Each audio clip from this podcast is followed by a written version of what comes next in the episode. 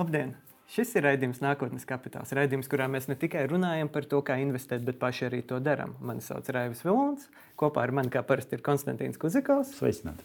Un šodien mēs ar jums tiekamies jaunajā sezonā, jaunā gadā, lai atskatītos uz to, kā mums ir gājis 2023. gadā. Gadā, kuru daudzi analītiķi solīja kā smagu gadu, kā akcijām sliktu gadu. Un gada sākumā tiešām tā arī bija. Tehnoloģiju uzņēmumu akcijas bija ļoti zemās pozīcijās, kriptovalūtas bija vispār daudziem, tā skaitā arī man šķita, ka iespējams, ka kripto projekts ir beidzies. Bitcoins gada sākumā nokrita līdz 15, 16 tūkstošiem par monētiņu. Cik tas ir tagad, to es pastāstīšu vēlāk. Bet, uh, principā, šķita, ka būs diezgan smags gads. Tomēr, neskatoties uz inflāciju, neskatoties uz procentu likmju konstanto paaugstinājumu, gan no Eiropas, gan no ASV, gan Lielbritānijas, gan nu, principā visām pasaules centrālajām bankām, tik un tā akciju tirgi kopumā spēja uzrādīt diezgan labus rezultātus. Un tad ar to es arī došu vārdu Konstantīnam, kas pastāstīs gan to, ko mēs darām šeit, kā mēs to darām un uh, kā ir gājis gan viņam, gan Sebrobo. Jo visi domāja par to, ka tieši uh, Ķīna būs veiksmīgs tās un ASV nekāda veiksmās vairs nebūs un būs recesija. Tieši otrādi mēs ieraudzījām, ka ASV akciju tirgus izauga un sasniedz savu rekordu. Bet pašā sākumā es gribu atgādināt mūsu skatītājiem par to, kādi ir mūsu investīcijas principi. Mēs investējam katru nedēļu 50 eiro. Jo mēs neesam profesionāli, mēs nezinām, kad būs labākais monēta, kāds būs sliktākais. Tāpēc mēs mēģinām dabūt gan labu cenu. Mums saka, ka neviens to nezina. Andris Lāriņš regulāri par kristāla bumbām runā. Un ne tikai viņš, jo arī daudz grāmatas uzrakstīja par to, ka no 90, tur, 90% no visiem uh, investoriem kļūdās. Un, un ir vesels grāmatas arī par to, ka, ja tu biji veiksmīgs pagātnē, nenozīmē, ka tu būsi veiksmīgs nākotnē. Bet atgriežoties pie tā, kāda ir mūsu ar tevi taktika, mm. ļoti vienkārši. Mēs investējam katru nedēļu 50 eiro. Mēs mēģinām visos līdzekļos sadalīt uh, pa visiem mūsu aktīviem vienāda veida, lai nebūtu tā, ka viena investīcijas veida kaut kāda mums ir vairāk nekā puse, bet otra tikai 5%. Nē, visos. Un aptuveni mēs investējam aptuveni 20 dažādus aktīvos. Faktiski orientējamies to, ka katram aktīvam ir 500% no mūsu portfeļa. Un gribu sakt ar to, ka mums pagājušajā gadā, jo tas ir apskats par to, ka mums veicas 20, 23. gada, un mēs esam tagad janvārī, 27. gada, janvāra paša sākuma, kad mēs varam arī saprast, kā mums veicās par gadu. Mums piebiedrojas pagājušajā gadā aptuveni aprīlī Roba investors, un varu pateikt, ka, manuprāt, pietiekami labs rezultāts. Jo Roba investori mums ir investīts ETF-os, un jau aptuveni 60% no visiem investīcijiem iet tieši uz turieni, kā arī ir uh, SEP aktīvu fonds EV80. Un tur aptuveni 40% no visiem investīcijiem. Principā ne par pilnu gadu mēs jau dabūjām 8,14% ienesīgumu pieaugumu inflācija te uzvarēta. Nu, tā, ja mēs ņemtu gadu, labi, tur bija Baltijā bija un Latvijā liels kāpums, bet kopumā, teiksim, nu, ja viens, mēs runājam, viens no investīciju mērķiem ir izdarīt tā, lai naudiņu neapēda inflācija, tad šeit mēs varam redzēt, ka nu, patiesībā Sebrobo investors vismaz šobrīd to ir faktiski pildījis. Tas, zin, tas ir labs jautājums, jo principā jāskatās tā inflācija no aprīļa līdz gada beigām. Mm jo aprīlī tā inflācija vēl nebija tik traka, bija zem 20, manuprāt. Mm. Jo tieši gada sākumā bija tā, ka, jā, noteikti, ka inflācija mēs, ja, ja vidēji gada inflācija bija zem 8, tad mēs noteikti uh, uzvarējām šajā gadījumā. Kas vēl ir labs, ka šeit mēs redzam, ka diversifikācija ļoti palīdzēja, jo šeit ir gan ETF, kas uh, uh, iekļauj sevi ASV akcijas, gan ETF, kas iekļauj Japānas akcijas, gan Āzijas akcijas. Uh, un gan Eiropas. Un arī tik un tā, neskatoties to, kā Eiropa neveic tik veiksmīgi, bet tieši gada beigas, kad jau centrāla banka paziņo par to, ka vairs nebūs likmes pacelšanas, tā arī ETF, Eiropas akciju ETFs arī sāk augt. Kas vēl priecē, ir tā, ka īstenībā, ja mēs runājam par to klasisko ETF ieguldījumu, šeit ir ļoti zemes uh, komisijas maksas. Un tāpēc, principā, mēs varētu dabūt lielāku daļu no, no, no, no, no tirgus izaugsmes. Tagad domāju, ka mēs turpināsim, un es gribu atgādināt mūsu skatījumiem par to, ka daudzus mēnešus tieši Sebroba investors apspēlē mums abus. Mm. Viņš, šis robots, neveica stulbus lēmumus, bet arī viņam nebija kaut kāds riskants lēmums. Tā kā normāli 8%, un priekš, manuprāt, investoru, kurš orientējas uz šo klasiskiem 8%, mm -hmm. Ļoti labs produkts. Nu, un arī tas, ka faktiski nekas nav jādara. Nu, to ir vērts pieminēt, jo teiksim, mēs ar tevi, nu, mūsu pašu portfeļus pārvaldot, darām vairāk darba. Pat, pat, mēs pat neobligāti esam tie paši aktīvākie, Jā. jo mēs nepārdodam ļoti daudz. Tu, tu dažkārt kaut ko maini. Es principā neesmu mhm. pārdevis mm -hmm. neko, bet mēs tik un tā krietni vairāk darām šajā rīkā, nu, ko mums arī ir daudz eksperti pagājušajā sezonā, kas nāca teica, nu, ka principā jā, ļoti ērti, ļoti jauki ieskaita naudu, dabū vidējo tirgus atdevi. Ja gads ir labs, tad arī redzam rezultātu. Šeit ir vēl viena lieta, ka mēs ne tikai ar tevi darām kaut ko, bet mēs arī daudz pētām. Mm -hmm. Jo, ko mēs darām? Nu, okay, mēs varbūt nopirksim šo akciju, bet, lai mēs nonācām līdz šim lēmumam, mums bija ļoti daudz jāizlasa. Un, principā, katru nedēļu es tērēju nu, vismaz 3-4 stundas uz to visu. Jā. Ar Sebrobu investu par to nav jādomā. Un arī kas ir interesanti, ka arī pats šis robots, viņš pats veido analīzi par to, ka labāk tomēr tos 50 eirus investēt tagad Eiropas ETF vai ASV ETF. Mm. ETF atkarībā no tā, kāda ir situācija. Un tas man, jā, tas prieks, bet no otras puses. Kur ir tas, tas, tas sāls? Nē, kur ir tā azarts? Nē, ne? protams, cevišķi, kad tiksim līdz manai daļai, tad runāsim par kriptovalūtu. Protams, ir, ir prieciņi. Jā, bet nu, tagad paskatīsimies, kā veicas cilvēkam, kurš visu laiku saka par to, ka esmu konservatīvs investors, izvēlas tikai ASV akcijas un obligācijas. Sakot, kā, kā veids vispār SP 500 indeksam, ir jāatzīst, ka pagājušajā gadā, nesis to, ka vēl gada sākumā daudzi ASV bankiri solīja par to, ka būs kritums SP 500 indeksam, tieši otrādi. Bija sasniegts 28. decembrī visaugstākais punkts, tas ir 4783. Un, ja mēs arī paskatīsimies gada griezumu, tad arī mēs redzam, ka nes to, ka bija gada sākuma pietiekami vāja, Un arī šogad mēs redzam, ka sākums jau tagad S&P 500 indeksam ir kritums.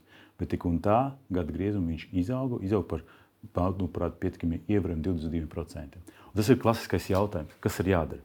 Vai jābūt aktīvam investoram, mm. ka tu nesi, vai vienkārši pasīvam. Un fakts, tie, kas investē ETF 500, SP 500 indeksā, tad uzreiz principā dabūtu 22%. Bez kaut kādiem mocībām un tā tālāk. Nu, gada sākuma un gada vidu vēl tā nelikas, bet gada beigas tā arī, tā arī bija. Ja mēs paskatāmies uz to, kā man veicas, 3,66. Tā kā gandrīz trīs reizes uh, sliktāks, bet atkal tas ir ienesīgums pār, no 21. gada. Mm. Tā, tāpēc tas ir 3,66. Ja mēs skatāmies gadu griezumu, tad nav tik slikti. Un kas vēl? 21% ir obligāts, pārsvarā tas ir krājuma obligācijas, un akcijas tas ir aptuveni 80%. Ja mēs paskatāmies par krājuma obligācijām, arī sākas pietiekami labi, jo es sāku investēt aprīlī. Un jau aizgāja pēc līdz 4,2% ienesīgumu, bet gada beigas visā arī nokrita un pēdējais savas, savu ieguldījumu es veicu ar 3,75. Tagad uz janvāra sākuma bija 3,4, kas ir skaidrs, ka, principā, manuprāt, vismaz uz šo brīdi krājuma obligāts laiks arī jau aizgājis. Mm. Jā, tad, kad mēs bijām mīnusā, dabūt 3-4% ir ok. Bet tagad, kad mēs paskatāmies, ka var dabūt daudz vairāk, tad es arī sāku domāt vairāk par, par obligācijām. Un ko es saku izmantot? Jo mēs pagājušajā gadā arī daudz runājam par to, ka ļoti grūti investoriem ar 50 eiro nedēļu vispār kaut ko nopirkt. Jo man kā opcija būtu Baltijas krājuma obligācija, mm -hmm. kur gandrīz nav izvēles par 50 eiro. 100, manuprāt, bija vispār kaut kāda 3, 4, jā, bet pārstāvs ir 1000. Bet Baltijas krājuma ir pietiekami labs uh, procents kupons. Turpat 13%, 9%. Alternatīva skatīties un meklēt ko interaktīvu brokeru, bet tur es arī visticamāk nedabūšu. Es jau meklēju, tur nav lētas obligācijas, plus vēl klāt ienesīgums daudz mazāks. Rietumu tirgus ienesīgums obligācijām ir daudz mazāks nekā Baltijas tirgus. Tāpēc man būtu interesanti tieši investēt šeit. Pamēģināju kaut ko paspēlēties ar Latvijas banku, bet arī sapratu, ka 5 eiro nav ko darīt, tāpēc ka komisija ir 20. Yeah. Plus vēl atkal es esmu ierobežots ar saviem 50. Un tad pagājušā gada beigās mintus atnāca tas saucamais fractional bonds. Tu vari da nopirkt daļu. Es nopirku daļu no vienas obligācijas. Uh, tas ir Delfina Group ar uh, kuponu 12,9. Jaukt ar Delfiem. Jā. Delfina grupas vadītājs stāstīja, ka viņu, viņu arī jau. Viņu mēdz jaukt ar mums. Un, uh... okay. Un uh, 12,9% ienesīgums, un kas man visvairāk patīk, ir tas, ka es varu turpināt spēlēties, tāpēc ka šeit ir saucams sekundārs tirgus. -hmm. Es varu šeit arī šeit, šajā piemērā, ir gan par 51 eiro, es varu kaut ko no par 17 eiro, par 1 eiro. Vienīgais, ka šeit ir jāatcerās divas būtiskas lietas, ka uzreiz tur ir komisija, ko arī mums Mintas vadītājs teica, ka tad, kad viņam publicē pirmo to piedāvājumu, tur vēl komisijas nav, bet sekundāri tirgu komisijas būs. Mm -hmm. Plus vēl katrs papētīja jautājumu par nodokļiem. Jo tad, kad pieņemsim, kupons būs pārskaitīts, tad viņi automātiski ieturs 20% no, no, no, no kupona vērtības. Un, uh, tas ir saistīts ar to, ka šeit nav tā kā ar obligācijām vai kā ar, ar, ar, ar akcijiem uh, ir iespēja caur banku izviet ieguldījuma kontu vai pieņemsim interaktīvu brokers vai revolūcijas vārtu izveidu. Šeit tas nav iespējams, tāpēc tiek aplikti ar kapitāla ienākumu nodokli. Bet tik un tā, manuprāt, tas ir pietiekami labs man smilškāste. Paspēlēties ar visām tām obligācijām, jo krājuma obligācijas laiks, manuprāt, tuvākā laika nu, tas labs ienesīguma laiks beidzies. Nē, nē, procentu likmes tiek paredzēts, ka vēlākais vasarā Eiropā sāks laist uz leju, kas nozīmē, mm -hmm. ka arī krājuma obligāciju likmes, kuras, kā mums raidījumos stāstīja valsts kas pārstāvja, viņas ir cieši saistītas ar šīm starptautiskajām aizņemšanās likmēm, un attiecīgi valsts nedz var atļauties, nedz arī grib viņas turēt augstākas nekā starptautiskajā tirgu. Tāpēc tikko kā Eiropas centrālā banka laidīs procentu likmes ienes uz leju, tā arī krājuma obligāciju ienesīgums kritīsies. Un, tas ir pilnīgi loģiski, ka investoriem vērts pārvākties. Un beidza daļu par uh, obligācijām, gribu pievērst uzmanību, kā veids manam portfelim. Jo nesis to, kā kopīgais ienesīgums man ir trīs, kaut ko tur ar kaut ko procentu. Tad kopumā, ja mēs skatāmies tikai pagājušajā gadā, tad mans portfelis, kas bija sastāvdaļa no SP 500 akcijiem, atnesa ienesīgumu 11,4% kas nav tik daudz, ka pieņemt pats, pats SP 500 indeks bija 17% gada ietvaros. Bet tik un tā mans mērķis bija katru gadu augt ar 8%. Vismaz šajā segmentā man tas izdevās izdarīt. Un gribu vēl atgādināt par to, ka gada sākumā vispār bija mīnusos. Mhm. Un mēs baigi to skatījāmies, vai kur vispār investēt, un vai ir vērts turpināt tas visas investīcijas. Ja mēs skatāmies individuāli, tad no 16 akcijas man pieder šo brīdi, un principā ir tikai trīs problēmas. Ir Disney akcijas, ir Next Energy akcija un arī Mozaika. Tas ir lauksaimniecības uzņēmums. Un negaidīti, bet pirmā vieta pēc tā sava ienesuma New York Times. Un tā ir arī pamācība man un visiem daudziem. Es domāju par New York Times, ka vajag no tā tikt vaļā, tāpēc ka nav nekādas jēgas un vispār, kurš tagad investē savu izdevumu labākais par 23. gadu. Es domāju to pašu par Google akciju. Tāpēc, ka Google nebija mākslīgi intelekts, Microsoft bija. Bija arī periods, kad Google ļoti nokrita pēc gada griezuma. Viņš izauga ļoti būtiski. Un vienlaicīgi arī mēs paskatāmies Coca-Cola, kas bija vairāku gadu tāds glābiņš un, un, un ļoti labs ienesums, tieši tagad kļuva viena no tām akcijām, kur ienesīgums ir. Citu, vai tev ir kāds uh, minējums, skaidrojums par New York Times? Kāpēc? Jo Google skaidrs, uh, tehnoloģija sektors skaidrs, kas notika, bet uh, kas, ko, vai viņi kaut ko nopirka veiksmīgu? Vai, zini, jā, vai vēlēšanām gatavojas? Tā kā ASV šogad ir vēlēšanas, tad uh, investori tas paredz. nav saistīts ar to. Tas nav saistīts. Jo, Jo stāsts, veiksmes, New York Times veiksmes stāsts balstīts uz to, ka viņam ir daudz abonentu. Viņi mm. jau, manuprāt, tuvojas desmit miljoniem abonentu. Un viņi ne tikai piedāvā uh, savu abonēšanas paka uh, ziņu saturu, bet arī spēles. Un tad, kad es nopirku pirmo reizi New York Times, es vienkārši redzu, ka tas bija moments, kad viņa nopirka lielāku sporta uh, startupu, tā teiktu, mm. vai sporta mediju, that's Athletic. Mm -hmm. Un viņam jau tajā laikā bija viens miljons. Un kas ir interesanti, ka, manuprāt, okay, viņam tajā laikā bija vairāki miljoni, vēl atslēdzīgi ir nopirkti. Un tas viss tas ir ļoti labs, ļoti laba paka. Un biznesam vajag to novērtēt. Jā. Un tieši otrādi. Es to kā speciālists novērtēju, es viņu nopirku, bet uh, investori uzskata, ka nē, tur nekā nebūs laba. Bet pēc diviem gadiem visi ieraudzīja, ka jā, viņi turpina augt. Un viņi faktiski ir ne tikai numur viens, kas ziņu medijas ASV, bet arī ziņu sporta medijas. Tāpēc nebrīnš, ja pēc kāda laika viņiem būs arī kaut kāds mēģinājums nopirkt kaut, kāds, kaut kādu biznesa uh, produktu.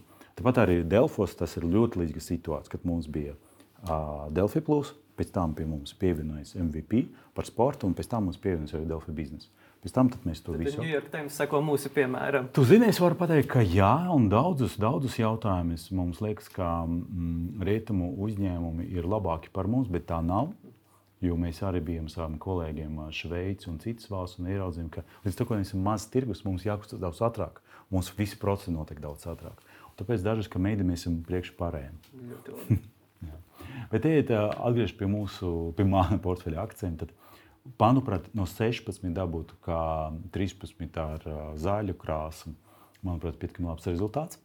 Un, bet tik un tā, trīs man nepatīk un, un gribas vienmēr labāk. Ja mēs paskatāmies, ka veicas uh, pa segmentiem, tad tehnoloģija segments drusciņi samazināja savu vērtību par 10 dolāriem. Izauga mazumtirdzniecības, izauga tā saucamās pārtikas, pārsvarā McDonald's dēļ, izauga uh, finanšu servisi. Tur ļoti labi parādīja savu GPM Morgan banka. Enerģētika, pateicoties šēlam, un ETFs, ko es principā tas vēl veicēju nosaukumu segmentu, bet tas ir Berkshire Hathaway. Un uh, paliek mīnus mēdī, tāpēc, ka tur Disneja slikti performē. Un tehnoloģijas ziņas pat es pat nevaru pateikt, kāpēc. Iespējams, ka tāpēc, ka es pirku viņus jau arī decembrī, kad cena bija ļoti augsta. Un tā vidē cena man, es, vidē cena vajag samazināt, kad cena krīt. Bet tad, kad viņi augsta un viņi iet uz augšu, tad viņi palielinās. Un vēl kas ir notika, tā arī Apple akcijas gada beigās arī samazinājās. Ja mēs paskatāmies uz dividendiem, tad tas dividendžu ienesums palika viens un tas pats - 1,57. Uh, un, uh, principā, 82 dolāri, 81, gan 82 bija vēl decembrī. Tagad, janvārī, tiek plānots, ka gada griezumā es dabūšu 82,2. Bet uzminiet, cik bija nevis 23. gada, bet 22. Kad, es godīgi sakot, neatceros, kāda 40 uh, dolāri. 6. 6. Nu. Tikai 6. Tā kā vismaz tāds ir neliels prieks. Bet arī mana portfeļa pieejama daudz akciju, kurām vispār nav pieņemts. Google nemaksā, Netflix nemaksā nekādas dividendes. Mm. Nu, un kad bija mans mērķis? Man bija tā, ka es gribēju sadalīt portfeli 80-20. Nu, jā, gada griezumā es investēju vairāk obligācijas. Starp visam akcijiem man ir fakts, ka gandrīz vienāds ir īpatsvars. Man nav tā, ka viena akcija ir vairāk nekā otra, un nākamā slaidā es to arī parādīšu. Kā arī man visu laiku bija domas par to, ko tad darīt ar korporatīvām obligācijām. Mm -hmm. Tad tas negaidīja, bet mintas uh, fractional bonds ļoti palīdzēja, un tagad spēlēšos tālāk. Un, manuprāt, izdosies arī piepirkt arī vairākas obligācijas. Un palika tikai viens un pēdējais, ka es gribētu vispār rebalansēt savu portfeli. Jo, kā jau teicu, trīs akcijas man nepatīk. Un par to, kā es to izdarīju, jo man iedvesmē ļoti mūsu viens no pēdējiem raidījumiem, kur mums ciemos bija uh, Printful. Jā, Davis Siksnāns. Uh, Printful dibinātājs un viens no viņa pirmajiem vadītājiem, kurš arī bija labs. Tāds, tāds tā kā, kā frāze, ka katra gada beigas es mēģinu saprast, kāpēc es investēju. Mm. Un es šo mājas, mājas darbu izdarīju. Es mēģinu saprast, kāpēc investēju. Un nākamā raidījumā es arī pastāstīšu tev un arī mūsu skatījumiem par to, kāda veida izmantot mākslīgo intelektu, starp citu, man izdevās nonākt līdz pietiekami interesantiem secinājumiem. Nu, un beigas tas ir tā, ka izskatās mans portfels. Ja jūs redzat, ka visi tie kvadratiņi, kvadratiņi, tas ir cik es investēju, tas ir investīciju apjoms, viņi visi vienādi. Tur tikai Netflix un Disney speciāli viņu sadalīja, bet tas ir tā kā teiksim, streaminga sektors, es tā viņu saucu. Ja mēs paskatīsimies uz to, kas ir zaļa krāsa, tas nozīmē, ka tas ir ļoti labi, labs ienesīgums, un mēs tā arī redzam, ka puse faktiski ir tā gaiša zaļa krāsa ar 20%, 30%, pat 9% izaugsmē. Tas ir Microsoft gadījumā. Ir arī sarkanie, tas ir Next Energy mozaika un Disney, par ko es arī minēju, ka man kaut, ko, kaut kas jādara šajā segmentā. Un uz jau riska zonu Coca-Cola un Procter Gamble. Kas man ļoti interesanti, ka par Procter Gamble vispār nekāda veida nepamanīju. Bet nu, jau dati liecina par to, ka man arī vajag pievērst uzmanību šīm akcijām. Nu, tā man bija, tā man gāja 23. gada, un jau pēc īsa brīža mēs parunāsim par to, kā tad veids raivību. Jā, un tā tad uh, raivīja portfels. Uh, skatītājiem wow, 9%. Jā, 9%. Apsveicu. Paldies. Apskaužu un apsveicu.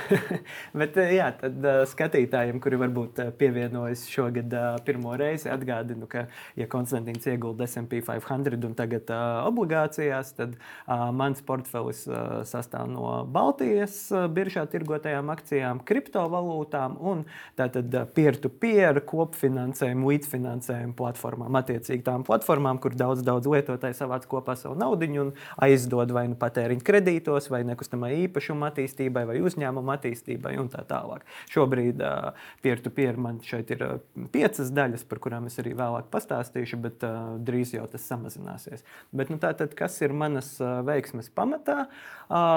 Par to nākamajā slaidā, bet re, kur mēs varam redzēt, kā izskatās. Uh, mans portfelis kopš tātad es pievienojos nākotnes kapitālam 2022. gada sākumā. Jāatzīst, ka pirmais datu punkts ir apmēram no Februāra. Uh, vajadzētu būt no februāra, bet manos uh, datos es savā Excelī saglabāju sākot no marta vēsturiskos datus. Mm. Jo, nu, uh, kā es kā jauns investors, eh, man arī eh, pagāja laiks, kamēr es piešāvos tam, kā sekot līdzi saviem aktīviem, kas, starp citu, ir ļoti svarīga tēma. Droši vien kādreiz mēs par to arī parunāsim. Nu, tu jau arī rādi piemērus, un nākamajā raidījumā tu nedaudz arī par mm -hmm. to parunāsi. Bet tas ir ļoti svarīgi, ja, piemēram, jūs neizmantojat vienu platformu, tad uh, man pašam ir Excel, kur es veicu pierakstus no visām savām atšķirīgajām platformām, kur, kur un cik es esmu ieguldījis, un tā tālāk. Un tad es arī mēģinu veidot šo savu arhīvu ik nedēļu pārkopējot eh, šos datus atsevišķā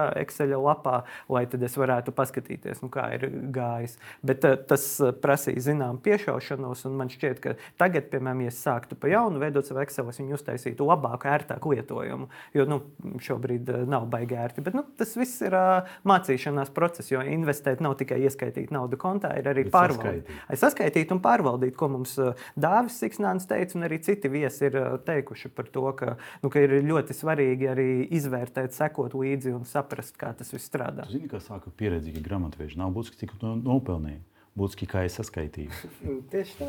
Nu, lūk, šeit mēs varam redzēt to līkni. Ja, tie skatītāji, kuri seko pagājušā gadā, atcerēsies, ka es biju iekļāvis līdzīgu līkni, un tur bija tā no kreisās puses uz labo uz leju, taisnā sarkanā līnijā.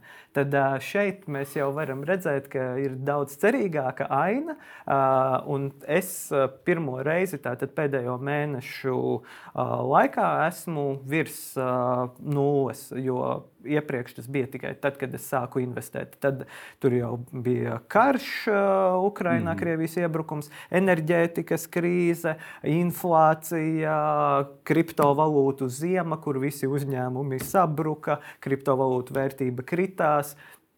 Tad uh, visas pārējās nebūšanas, kas mums ir pēdējos divus gadus sekojušas līdzi, tad uh, šobrīd ir uh, nu, pozitīvi. Faktiski tas aizņem divus gadus. Jā, divus gadus, kad tu ieraudzīji. Un, un, un, protams, ka ir interesanti ieraudzīt, kas būs nākotnē. Mm. Jā, jā, jā. Un arī ir būtiski saprast, no, uz kā rēķina tev tā, tā, tā zīme beidzās. Jā, nu tad rēķina šeit arī ir bitcoins. Slaids. Bitcoins, bitcoins. Uh, šeit arī ir slaids, var redzēt, kā bitcoinam ir gada laikā gājis.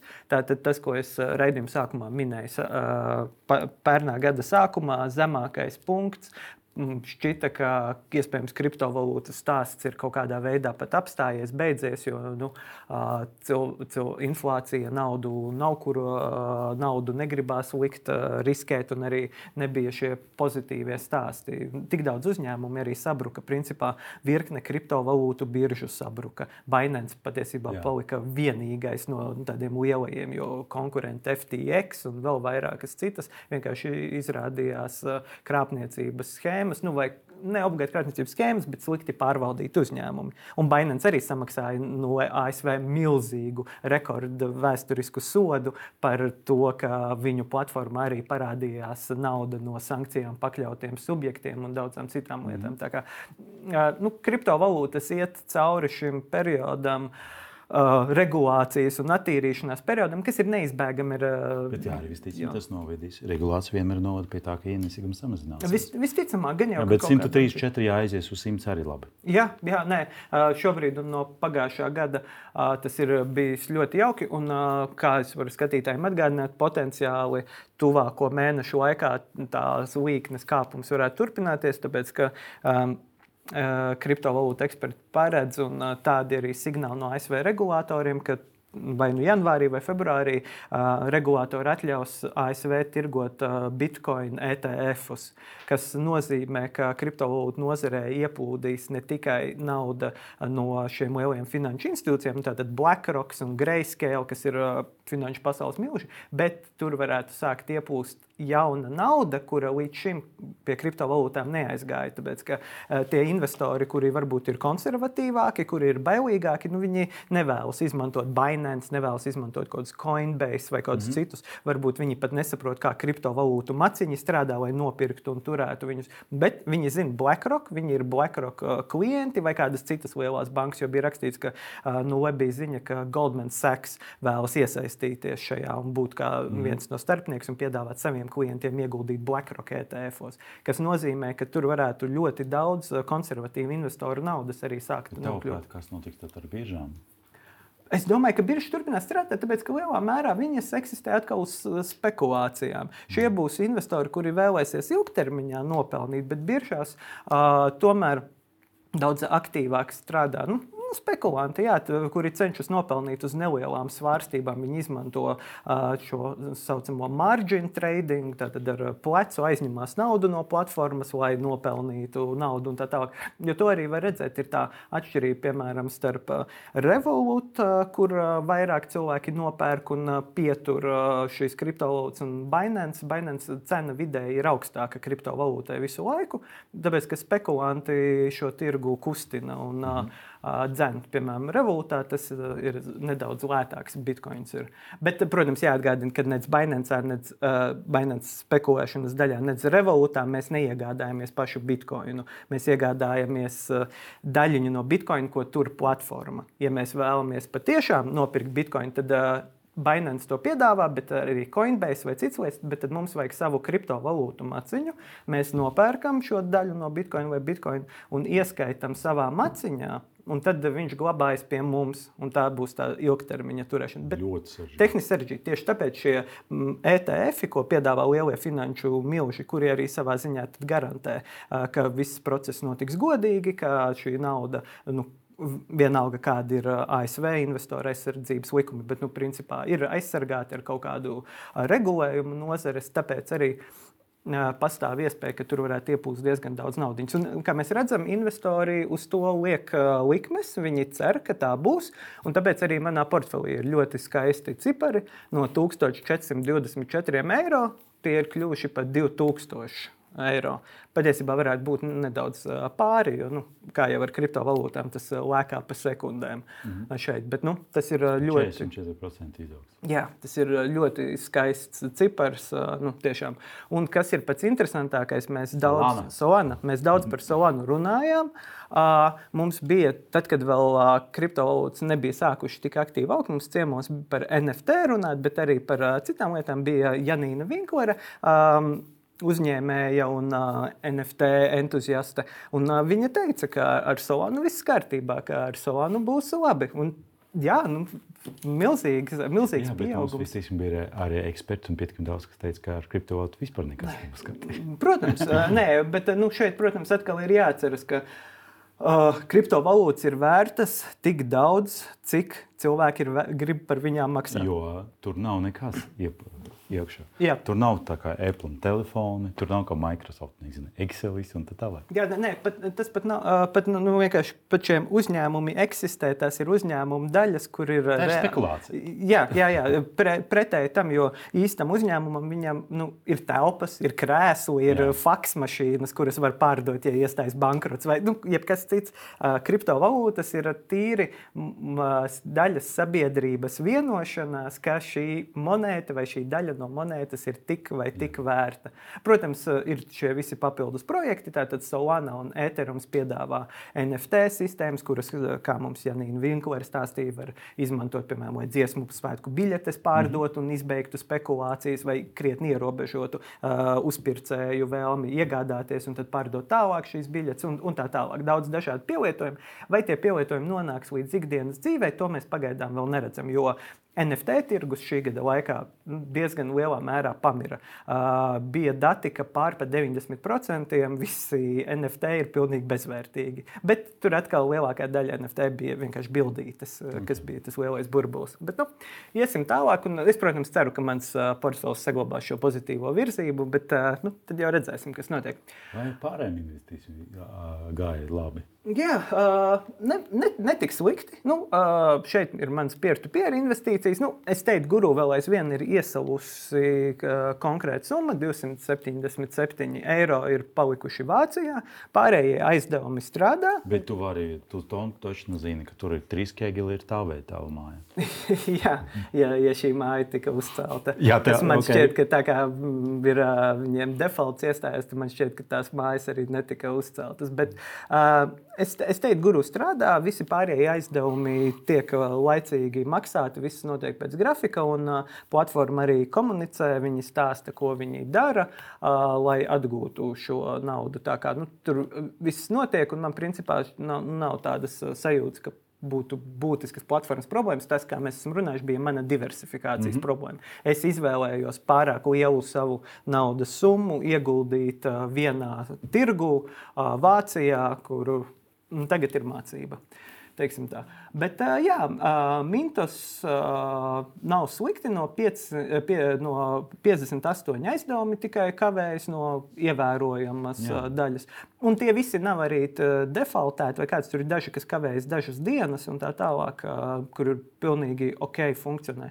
Twino vispār nav problēmu, ir neliels pieaugums, un tad debitum, kas ir mana jaunākā platforma, ko es esmu pievienojis, nu, tur pagaidām atdeve ir ļoti maza, tur daži centi, bet, nu, tātad, ja viss strādās, tad beidzētu būt ap 12,7%. Nu, protams, ka tā grūti salīdzināt to ar Bitcoin bitkoina atdeve, bet tik un tā. Jā, jā. Nē, nē, nē lēnā, un, lēnā garā. Un, uh, kā, kā mēs arī runājam ar platformu pārstāvjiem iepriekš, ka uh, tā kā inflācija un procentu likmes ir kāpušas, tad arī šajās platformās drošo, drošāku aizdevumu uh, likmes ir kāpušas. Ja, piemēram, tad, kad es sāku pirms diviem gadiem investēt, tad nu, tiem, ko platforma pati novērtē kā drošus vai augstākās drošības aizdevumus, tiem tur bija ap 10%, tad tagad jau drošākie aizdevumi ir ap 12%. 13%, un tie nedrošie tur ir pie 16%. Mm. Un tad uh, kapitāliem, nu, kapitāliem rotē ārā, kā es arī teicu, pagaidām ir pieci, bet tūlīt beigsies, jo tur ir palicis viens pēdējais aizdevums, kurš tad uh, drīz jau tiks arī izmaksāts. Tad, uh, kamēr kapitāliem neatvērs iespēju ar mazākām summām ieguldīt, tikmēr nu, es nevarēšu viņu vairs savā portfelī iekļaut, jo vēl aizvien šobrīd minimālais ieguldījums ir 1000 eiro kas nu, mums īsti nedara, jo tad man ir jākrāj ilgāku laiku naudu, lai ieguldītu. Bet platforma ļoti labi funkcionē, un tad cerēsim, ka arī izdosies pārstāvjiem atvērt vēl vienu ieguldījumu iespēju Latvijas iedzīvotājiem ar mazām summām. Un tad uh, trešais ir Baltijas tirgus. Šeit mēs varam redzēt, kā ir gājis uh, gada laikā Baltijas tirgus uh, centrālajiem indeksam, tad, kas apkopo aktīvāk tirgotos lielākos uzņēmumus. Un, uh, nu, 6,98 mazāk kā robo-investoram, mazāk kā SP 500. Ievērojami mazāk. Ievērojami mazāk. Bet, nu, bet vēsturiski viņš vienmēr bija augstāks pēdējos gados. Pēdējos gados, jā, tad, kad uh, nāca klāt jauni uzņēmumi, bija entuziasms tirgos un tā tālāk. Bet, nu, uh, kā mums arī gan raidījumā, gan uh, nākotnes kapitāls LV rakstos, ko mēs publicējam Delfa biznesā, uh, eksperti ir teikuši, nu, uh, ja rodas jautājums, kāpēc Baltijas tirgu ir šādi, bet SP 500 aug tik ļoti, atliek paskatīties uz to, kas ir tie uzņēmumi, kas SP 500 dzen uz augšu. Tas ir tas tā sauktais burvīgais, skaistais septīnieks. skaistais septītnieks. Nvidia, Google, Apple, Meta, Tesla, uh, Amazon un kaut ko es vēl piemirsu.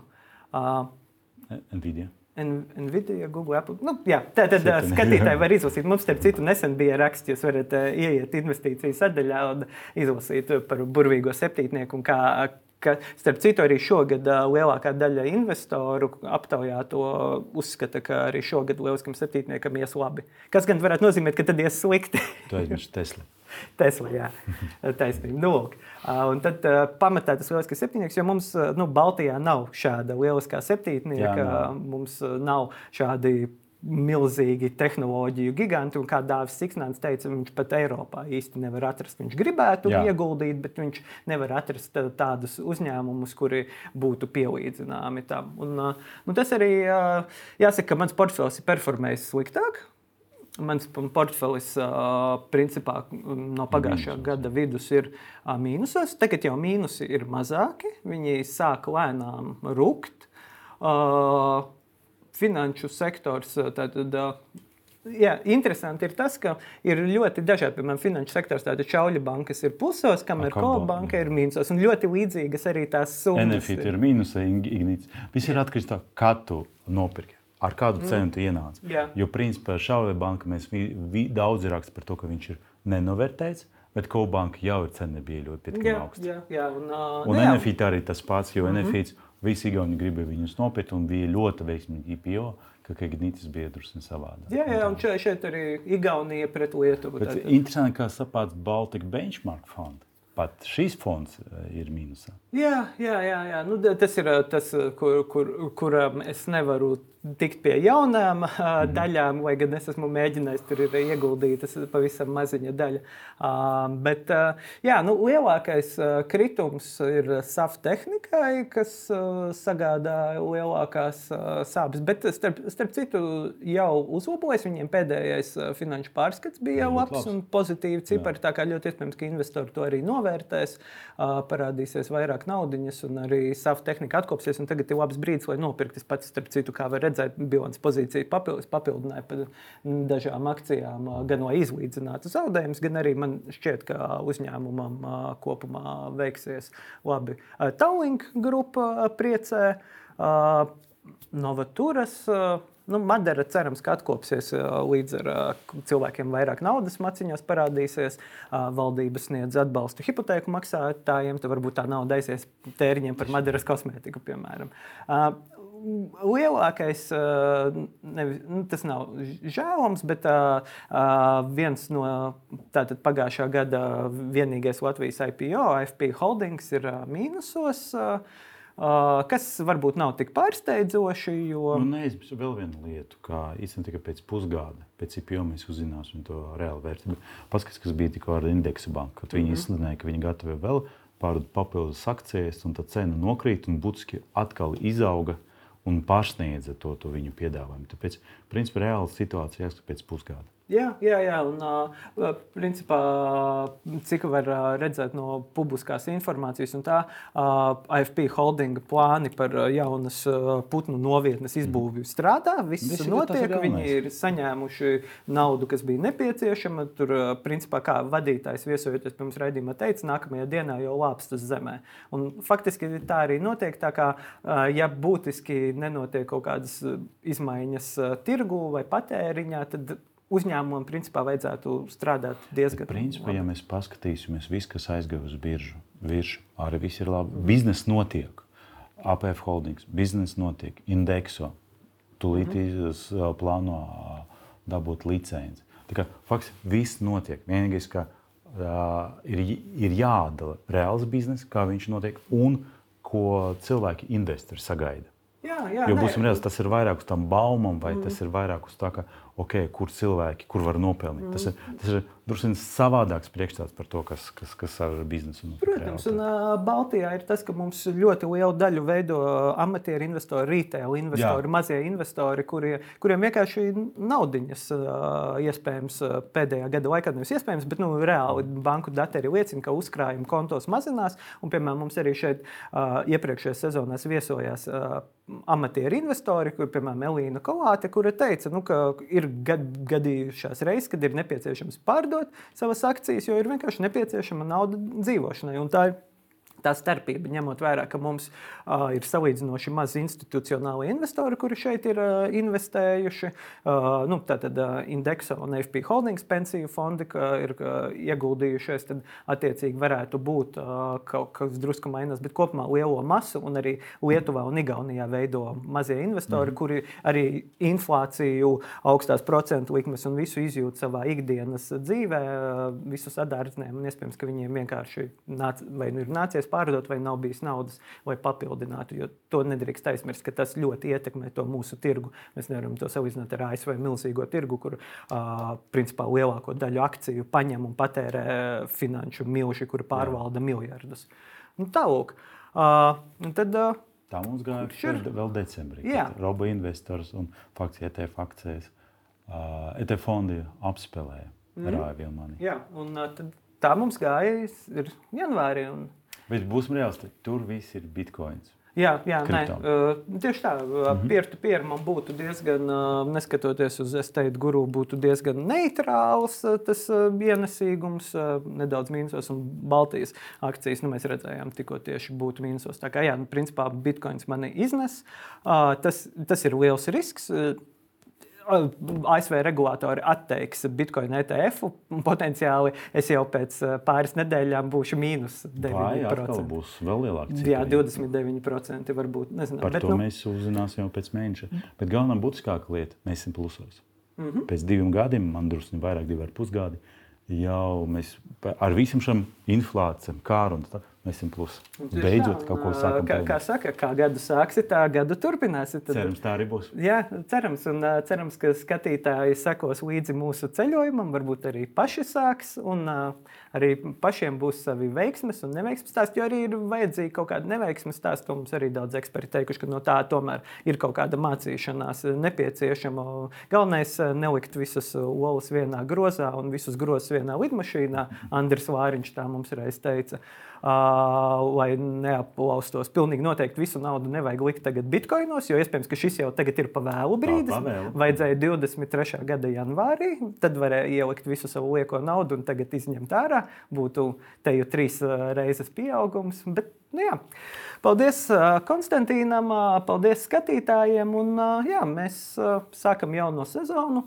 Tiksimies ar nozares ekspertiem, amatieriem, investoriem, speciālistiem, banku pārstāvjiem, Baltijas biržas uzņēmumu pārstāvjiem. Stāstīsim par to, kā iet mums, skatīsimies, kā iet citur un visādi citādi centīsimies jūs izglītot un izklaidēt. Paldies! Paldies! Vislabāk!